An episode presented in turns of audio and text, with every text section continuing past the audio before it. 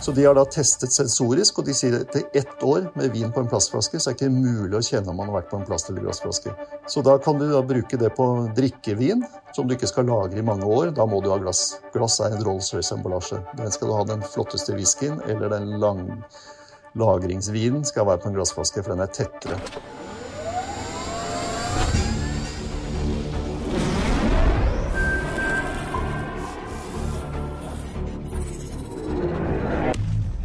Velkommen til Teknisk sett, en podkast fra TU. Jeg sitter på hjemmekontor. Mitt navn er Jan Moberg, og jeg snakker til Odd-Rikard Valmot på hjemmekontor. Hei, Odd-Rikard. Hei, Jan. Der er du igjen. Ja, hvordan går det? Ja, jeg syns det går fint, jeg. Det er i kjelleren. Ja. Du, det er, det er mange på Whereby her i dag. Det er litt sånn mer forsinkelse enn vanlig. Ja. Jeg har opplevd på flere sånne plattformer nå at uh, det lugger litt. Ja. Det er ikke så rart. Nei da, det er ikke så rart. Vi, uh, vi får fortelle lytterne at vi, vi, snakker jo inn hvert vårt talespor, Odd Rikard. Både du, jeg og vår gjest. Og så blir de da synkronisert i ettertid. Uh, ja. Så vi håper at dette også blir bra. Men du, Odd Rikard, i dag skal vi snakke om et tema som jo Norge ligger langt i front på. Det har ingenting med Eh, I hvert fall ikke direkte med pandemi å gjøre. Nei. Vi ligger, vi ligger, eh, faktisk eh, best i verden, og det er ikke langrenn vi skal snakke om. Nei, og det er sånn at hvis dette kunne spre seg ut i verden i god fart, så ville det bare blitt en bedre verden. Absolutt. Virkelig. Ja.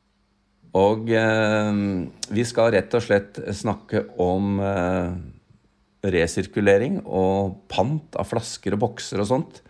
Og mm. da må jeg innrømme at jeg var ikke så oppdatert på hvilke posisjoner vi hadde i Norge. Jeg visste jo at vi var gode, men jeg kjente ikke til ja. det, det bakenforliggende her. Nei. Så, Nei, det, er, eh, det, har vært en fantastisk utvikling. Og spesielt for gammelt der. Ja. Og eh, da skal vi ikke, som kanskje noen tror nå, snakke om eh, tomra og den type ting. Vi skal snakke om de som sitter bak nemlig selskapet Infinitum. Administrerende direktør Kjell Olav Mandum, velkommen. Takk for det. God dag, god dag. Du, du må nesten fortelle litt om eh, Infinitum. fordi jeg, jeg, har jo skjønt at når jeg har puttet bokser og flasker inn i automaten på butikken, så skal det skje noe mer bak der. Det er ikke, det er ikke den lokale butikken som, eh, som går med søppelsekken og leverer det på det lokale eh, resirkuleringsanlegget. Det er dere som tar imot dette. Det stemmer. Eh, og Infintum, jeg kan ta litt kort historikken, det er jo faktisk det tredje pantesystemet eh, i Norge. Eh, vi har hatt pant i Norge siden 1902. Og det gjaldt egentlig alle land i verden, at man hadde et pant-tilbakeleveringssystem fordi man brukte emballasjen på nytt. Og så har man hatt en utvikling, så på tidlig 90-tallet etablerte man et selskap i Norge som hadde ansvar for det man kalte ombruksflasker. Det var plastflasker og glassflasker som ble tatt inn og vaska og brukt på nytt. Og så hadde man en utvikling på, eh, hvor man gikk over til gjenvinningsemballasje. Man kalte det engangsemballasje tidligere. I den prosessen så, så eh, miljøvernministeren vi hadde den gangen, at dette kunne bli et forsøplingsproblem. I andre land, de fleste land i verden, så la man ned eh, pantesystemene. Men i Norge så hadde vi en som heter Torbjørn Berntsen, og han så at dette kunne bli et forsøplingsproblem. Han introduserte en avgiftsmodell og sa at skal bransjen skifte fra ombruk til gjenvinningsemballasje, så må dere tenke på hvordan dere skal samle inn dette. Det var eh, begynnelsen for å sette opp da Infinitum som selskap. Og vi starta da i 1999 eh, med å samle inn flasker og bokser. Ølbokser eh, først og fremst, og plastikkflasker. Jan Tore Sanne var den som panta den første boksen 3. mai 1999. Så vi har nå holdt på i 20 år. Og det som du da er inne på, det er at når forbrukeren de kjøper et produkt i Norge, og så ynder vi å si at eh, du kjøper produktet, men du låner emballasjen. Så når de leverer den inn i panteautomaten, så tar jo automaten og registrerer strekkode og sjekker at det er riktig emballasje, sånn at du ikke blir lurt. Så blir den komprimert, klemt flat inn i automaten, og så har Infintum ansvaret, så vi henter inn da den drikkevareemballasjen fra alle utsalgssteder i Norge. Kiosker, bensinstasjoner og dagligvarebutikker med panteautomater. Inn til våre tre anlegg, hvor vi sorterer aluminium, klare flasker og farva flasker hver for seg. Og så beiler vi det i store klosser på ca. 350 kg, og så sender vi det til gjenvinner. Så all aluminium går til Hydro Holmestrand. ca. 9000 tonn i året. Og så har vi plastflaskene som vi sender i dag til Sverige, Tyskland og Nederland. Så det er liksom hoveddelen, hvor vi da tar inn materiale som forbrukeren har lånt, og skal sende det tilbake til gjenvinning. Men da, da må jeg jo spørre, da. Eh, det, det, dreier seg hovedsakelig om plast og aluminium. Og, og Richard og jeg har lagd et par podkaster der vi har hyllet aluminiumens egenskaper. Og ikke minst at eh, så stor andel av aluminiumet som har vært produsert opp gjennom tidene, fortsatt er en annen, i en eller annen generasjon i bruk, og at det er 5 eh, energi som skal til for å gjenvinne i forhold til å lage nytt. Hvordan er dette på, på plast? Jeg ble jo veldig nysgjerrig nå. Ja. Det er et veldig godt spørsmål, og plast er faktisk enda mer effektivt. kan si Aluminium det er et veldig bra materiale, men det er kjempeviktig at det hele tiden holdes i verdikjeden. og Grunnen til det er at det krever enormt mye energi og store utslipp når man produserer første gang, så det må gjenvinnes. Plast er faktisk bare en åttendedel av eh, belastningen når man produserer det første gang. Og så er det like effektivt som aluminium i gjenvinningsprosessen. Så hvis du skal se det bare sånn på eh, miljøregnskapet, så er faktisk den PET-materialet som vi har i plastflaskene, er enda mer ressurseffektivt enn aluminium. Men aluminium kommer godt inn, ut så lenge man samler inn og resirkulerer det. Så det er to gode materialer. Men så lenge oljeprisen er så lav som nå, så er det jo veldig billig å lage ny plast. Eh, og hvordan står det opp mot resirkulert plast? Det er et veldig godt spørsmål, og det er kanskje det største problemet plast har. Plast er utrolig ressurseffektivt å produsere, og det er billig. Og som du er inne på, når oljeprisen er lav, og den bør ikke være veldig lav heller, når den har vært sånn som den har vært i en lang periode nå, så er det billigere å lage ny plast. Og det er det som er det tragiske med plasten. For det gjør at man da ikke har tenkt på gode innsamlingssystemer. For hvis du ser på miljøregnskapet når du begynner å resirkulere plast, så er det fantastisk effektivt. Så Infinitum, vi har faktisk jobbet med det, og den må jeg bare ta for Grunnlaget for at Infinitum ble etablert, var at Torbjørn Berntsen og hans eh, medarbeidere i eh, Miljødirektoratet den gangen de lagde en miljøavgift hvor de sier at selger du en engangsemballasje som de kalte gjenvinningsemballasje i markedet uten innsamlingssystem, så er det en kjempehøy avgift. 3 kroner og 50 øre per flaske. Men samler du den mer enn 95% så er avgiften null.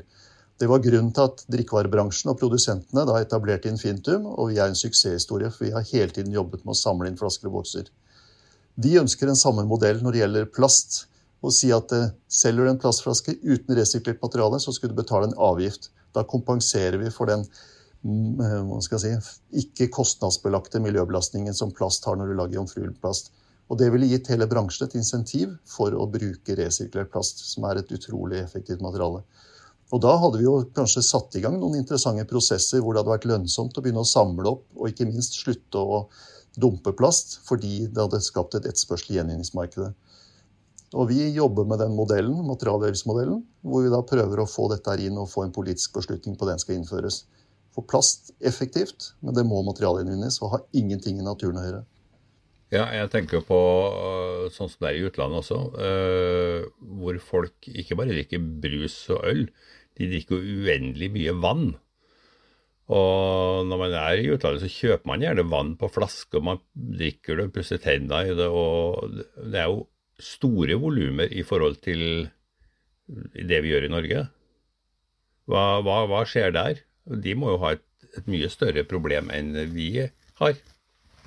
Vi liker jo tross alt stort sett vannet av springen. Det er riktig det at de volumene av plastflasker rundt i Europa og resten av verden er gigantiske, og det er ikke innsamlingssystemer. Og det er litt som dere innledet med. Det, vi har nå hatt besøk fra stort sett alle verdenshjørner. Fordi man ser at plastflaske er et bra materiale, men man har et kjempestort forsøplingsproblem fordi det ikke blir samla inn. Så vi får jo besøk Vi har hatt Skottland, England, eh, nesten alle europeiske land. Til og med California har vært på besøk. Kina har vært der med flere delegasjoner. Og det de er ute etter, er å se hvordan kan man lage et system for å samle inn de plastflaskene som i dag forsvinner ut i naturen og ut i havet. Og det er det samme hvor man da har sett på disse miljøregnestykkene, livsløpsanalysene vi har gjort, og ser at plast er et effektivt materiale. Men man har ikke et insentiv for å samle det inn igjen. Og da må man se pantesystemet er faktisk en utrolig effektiv måte å gi et økonomisk insentiv til forbrukeren. Som vi da sier, du kjøper et produkt, om det er vann eller brus eller øl, eh, men du låner emballasjen, for den skal vi ta inn og bruke på nytt om og om igjen. Og vi har jo lønnlig håp nå om at mange land kommer til å etablere pantesystem nettopp for å få tak i disse viktige ressursene. Så Vi liker jo Men det er grunnen til at vi har et forsøplingsproblem i dag. Ja, Vi liker jo sånne historier der eh, vi i Norge kommer med løsninger for resten av verden, eh, Kjell Olav. Så dette er jo ett av de. Men en annen ting vi er nødt til å nevne. eh, Jeg kan jo ha vært i Sverige eller Danmark eller, som, eller veldig mange steder. Allikevel så tar automaten i butikken tar imot selv om jeg ikke får pant. Dere har jo en rolle utover det å gi meg som forbruker pengene tilbake. Dere er også en sånn eh, slags søppelbøtte og, og tar imot det som jeg ellers ville ha kastet i eh, restavfallet. Det er ganske mange typer altså, merker dere tar imot, da. Det stemmer. og det, Vi har gjort det ut ifra en tanke om at vi, må gjøre systemet enkelt for forbrukeren. Så det vil si at Hvis du har en pose med, med bokser og flasker hjemme, og hvis du har vært i Sverige og kjøpt noe, eller i Danmark eller et annet land, så har vi tenkt som så at da skal du få lov til å levere inn den. Men vi kan ikke betale ut pant, for du har ikke betalt panten i Norge. Så bare i 2019 så tok vi imot 36 millioner eh, ølbokser som var utenlandsk opprinnelse. Og vi har faktisk programmert tommerautomaten, så vi har flere utenlandske produktkoder enn nasjonale. Så det er et stort omfang, men vi gjør det ut fra en miljøtilnærming. Og fordi vi tenker, og det når vi spør forbrukeren, så setter de pris på at vi har den ordningen. Så Mye av det der kommer jo fra Odd-Rikard, da, for han pleier å handle i Sverige. Men, eh, men en, ting ting jeg må spørre om, Kjell Olav. For nå har det blitt litt bedre. Men en av, en av de store irritasjonsmomentene for meg som forbruker, var jo at hvis jeg f.eks. tidligere da kom med noe som ikke skulle inn i det hullet i panteautomaten, eller jeg hadde lagt det feil vei, eller noe sånt, så ula det noe voldsomt. Det var nesten så du følte deg som en forbryter. Det, det peip og ulte. Er det nødvendig? Nei, det er ikke det. Og det ser vi i dag, så er det nesten ingen automat som gjør det. De er gamle. Eh, og det er litt artig historie, for det var jo noe av det første jeg tok tak i når jeg begynte i Infintum. For vi gjorde undersøkelser, og så sier forbrukeren at noen var faktisk redd for å pante. For de var redd for at det automatisk skulle begynne å pipe. For når du står inn der, og plutselig så ser alle i butikken på deg. Så vi snakka med Tomra og sa at dette må dere gjøre noe med. Og det er interessant, for Tomra er en utrolig ingeniørorganisasjon. De er kjempedyktige. Eh, teknologi som er helt fantastisk. Men jeg opplevde den gangen at det var litt for mye opphengt i automaten og hvordan den skulle driftes effektivt, og ikke fullt fokus på den stakkaren som sto foran panta. Så vi ba de fikse det, og det gjorde de. Nå har du sånn at du får en eh, SMS-melding, han som jobber i butikken, så han går og fikser den uten at du da blir eh, så pinlig berørt når du står og panter. Og det er kjempeviktig for oss. Det er smådetaljer, men det er viktig for at folk skal føle at det å pante er enkelt, viktig, og du skal ikke ha angst for at eh, maskinen henger deg ut. Der gjorde du en god gjerning. Odd-Rikard? Du, I disse koronatider så er det jo ganske stort rush på Vinmonopolet, da. Eh, vi skal jo gå og kaste flaskene i, i containere, men der er, der er det ikke noe økonomisk incitament inn i bildet. Polet har jo ikke lenger noe pant. Eh, burde ikke de få det på nytt? Jo, nå har de faktisk fått det. De, som du er inne på, de la jo ned pantesystemet i 2004, for da slutta man å fylle glassflasker i Norge. Så den flaska med ved i bånn, den forsvant. Eh, Så har de jo hatt en lang periode uten, men så gjorde Vinmonopolet en interessant øvelse. For dette var en diskusjon mellom de eh, pol, vin, Vinmonopolet i Sverige, Finland og Norge. Liksom, hva er det viktig å gjøre nå? Så de gjorde en livsløpsanalyse. Og så fant de at for vin så er 40% av miljøbelastningen knytta til produksjon av glassflaske. Så da eh, fant Vinmonopolet i Norge ut at vi ønsker å tilby eh, vin på plastflaske i pantesystemet. Det var en forutsetning at det skulle pantesystemet. Så de kontakta oss og lurte på kan vi få lov til å slippe inn i pantesystemet. Og da sjekka vi ut og sa det skal dere få lov til, bare dere bruker emballasje som vi godkjenner, sånn at vi kan gjenvinne det. Så i dag får du både vinflasker og sprit- og akevittflasker med pantemerke. Og det morsomme er til og med jeg har produsenter som putta pantemerke på frontetiketten, for de var så stolte at de fikk lov til å putte pant på. Og det interessante er at den plastmaterialet, da, som jeg er en uh, forkjemper for Vinmonopolet har er det tre ansatte som har master wine-tittel. Ja. Uh, og jeg tror det er 340 i verden. Så de har da testet sensorisk, og de sier at etter ett år med vin på en plastflaske, så er det ikke mulig å kjenne om man har vært på en plast- eller glassflaske. Så vi sier at plast materialet i flaskene er så godt at de kjenner ikke at det er plast. Så da kan du da bruke det på drikkevin, som du ikke skal lagre i mange år. Da må du ha glass. Glass er en Rolls-Royce-emballasje. Den skal du ha den flotteste whiskyen eller den lang, lagringsvinen skal være på en glassflaske, for den er tettere. Men alt du konsumerer i løpet av et år, kan du ha på en plastflaske. Det er mye bedre for miljøet. Så du må se litt på hvordan materialet brukes, i hvilken setting, og så velge de gode løsningene. Så i dag nå kan du gå på Vinmonopolet, kjøpe vin, god vin på en PET-flaske, som du panter etterpå, og så har du gjort en god jobb for miljøet. Du, du får med deg mer òg, for at en plastflaske er jo lettere.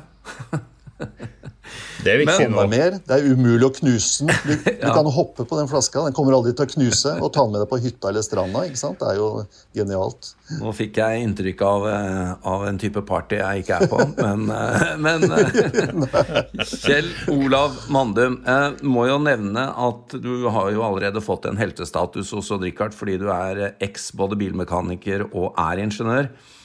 Men da må jeg spørre deg, jeg vet at du er veldig opptatt av ut, altså virkningsgrad og yield og sånne ting. Er det, er det, det som styrer hverdagen din, at du leter etter nye forbedringspunkter kontinuerlig? Ja, det vil jeg si. Og det henger egentlig Jeg tror nesten er fra jeg har en historie om min mormor. Hun eh, samla på alt. Det var taustumper og bæreposer og tvistpapir som var bretta ut og sånn. Så det fascinerte meg. Hun, det var jo under krigen hvor huset brant ned og sånn. Men jeg så liksom at dette var jo ganske smart. Og så begynte jeg å skru og mekke når jeg var knøttliten. Jeg demonterte alle biler og satte de sammen igjen, så de virka. Eh, så jeg har liksom hatt en sånn uh, interesse av hvordan ting virker, og hvordan de skal lage gode, enkle løsninger. Så jeg begynte jo egentlig på Teknologisk institutt etter at jeg var bilmekaniker. Og da var jo første prosjektet som jeg fikk da, det var å drive med alternative drivstoff og elbiler. Jobba mye med Think og Cavity. Ja. Og så så vi liksom hvilke andre områder er det interessant å se på. Og da var det jo transport. Og da gjorde vi beregninger og fant ut når du bruker SSB-tall, så er det bare 50% av transport på landeveien som er fylt opp til enhver tid. Halvparten av alle lastebiler er tomme til enhver tid. Og da var det liksom hvordan kan man utnytte det på en god måte. Og så så vi da på emballasjeløsninger. Og da tenker jeg også på vi som jobber veldig mye med logistikk. Når alt skal samles inn, hvordan utnytter vi logistikken eh, mest mulig effektivt. Så jeg mener det er enormt potensial å jobbe mer rasjonelt og effektivt. Og jeg syns jo det er spennende. Vi må få mer ut av mindre for at det skal eh, fungere for alle som bor på kloden. Veldig bra. Jeg må stille deg et siste spørsmål som eh, du må få lov til å svare på. Hva er fremtiden nå? Altså på kort og lang sikt, hva ser du for deg er de viktigste tingene for dere i Infinitum? Det viktigste for oss er at vi ønsker å samle inn alle flaskene 100 eh, Og det vi innrettet med at vi ønsker å få flaskeproduksjon i Norge. Og så har vi to spennende prosjekter som vi har starta opp nå. Det er jo at Vi har masse festivaler og konserter. Akkurat nå er det litt stille på den fronten. Men der har vi nå introdusert en, eh, en innsamlingsordning for festivalcruise så vi godkjenner plastkrus som har akkurat lik eh, materiale som i plastflaskene. Så vi kan gjenvinne de sammen med plastflaskene. Vil si at du kan da ha en festival, og så kan vi bruke det kruset om og om igjen.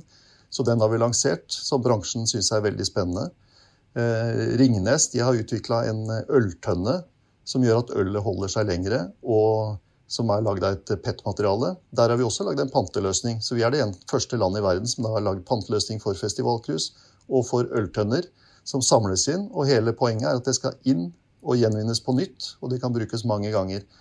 Og det er tingene som vi kommer til å eh, jobbe med videre framover. Og det vi har her, som er bunnen, hva skal jeg si, fundamentet vårt, det er effektiv logistikk. Hvordan er vi utnytter ja. transporten inn og får det inn og kan bruke det på nytt. Og det er det som er spennende, syns vi. Så. Veldig bra. Uh Takk eh, for at du stilte opp, eh, Kjell Olav. Dette var eh, veldig veldig spennende. Og jeg er sikker på at både Odd-Rikard og jeg nå kommer til å glede oss til å gå og pante og tenke på alt det som nå ligger bak Odd-Rikard. Dette var ikke småtteri. Jeg tror at når vi går inn i korona uke nummer X, så tror jeg sånn øltønne kunne vært fint. ok. Takk til eh, Andi Kjell Olav Mandum i Infinitum. Takk til Odd-Rikard Valmot. Og takk til vår produsent Sebastian Vinum Storvik, som skal sy sammen disse tre opptakene.